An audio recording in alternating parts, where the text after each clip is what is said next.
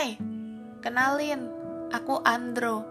Di tempat ini, aku bakal menuangkan apa aja yang ada di kepala aku, yang mungkin bisa jadi satu frekuensi sama apa yang ada di kepala kamu. Jadi, kita sama-sama ungkapkan hal-hal yang memang menurut kita perlu diungkapkan di tempat ini. Untuk kali pertamanya, aku pengen tanya deh, pernah gak sih kamu mempertanyakan kehadiranmu di dunia ini? Kayak misal, kenapa sih aku diciptain? Untuk apa? Esensi aku sebagai manusia tuh apa?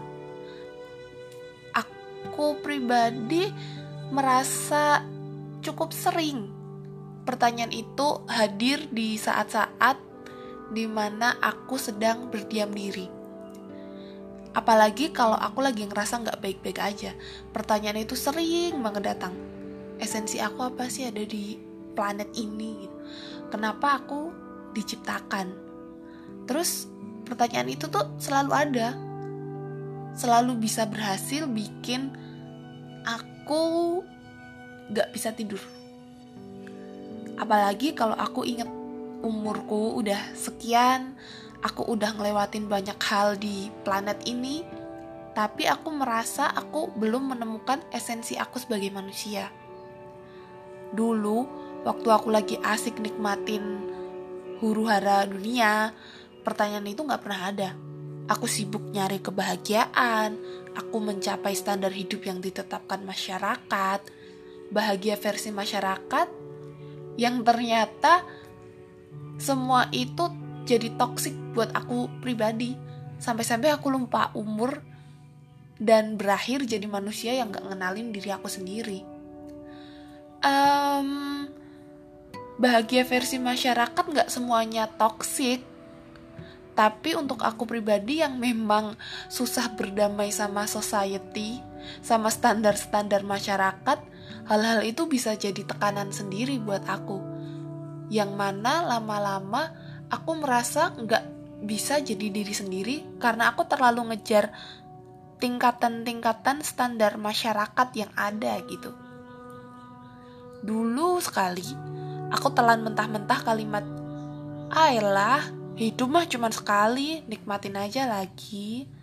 Akhirnya aku masuk dalam pertemanan yang isinya hanya ego masing-masing sibuk mencari manusia yang akan aku berikan beban bahagiaku, keluar masuk toko beli barang yang kata society, ini nih lagi ngetren. Terus aku gabung ke kelompok-kelompok pertemanan yang memang gak semuanya sehat buat mental aku. Aku nongkrong sana sini. Yang ternyata kalau diingat-ingat semua itu bisa bikin ngomong di depan kaca. Itu kepalamu isinya sarang laba-laba Kenapa susah banget sih jadi diri kamu sendiri? Kenapa kamu berusaha jadi orang lain dan mengabaikan isi kepalamu itu gitu? Terus akhirnya berjalannya waktu, Tuhan ngasih kesempatan aku pelan-pelan ngubah pandangan hidup. Aku ketemu teman-teman yang perspektifnya luar biasa keren, buku-buku yang ternyata emang bikin aku shock gitu. Anjir selama ini aku ke mana? Kemauan untuk terus mengenali diri. Aku belajar gimana bertahan di society yang mana susah buat aku buat aku pribadi yang yang susah menerima bahwa ya society itu berjalannya seperti ini lalu aku dapat dukungan dari orang-orang terdekat yang me membantu aku buat bisa semakin kenal sama diri aku sendiri.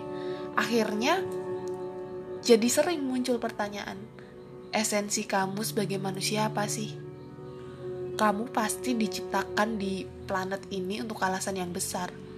Kalau bukan karena alasan yang besar, kenapa kamu harus ada gitu?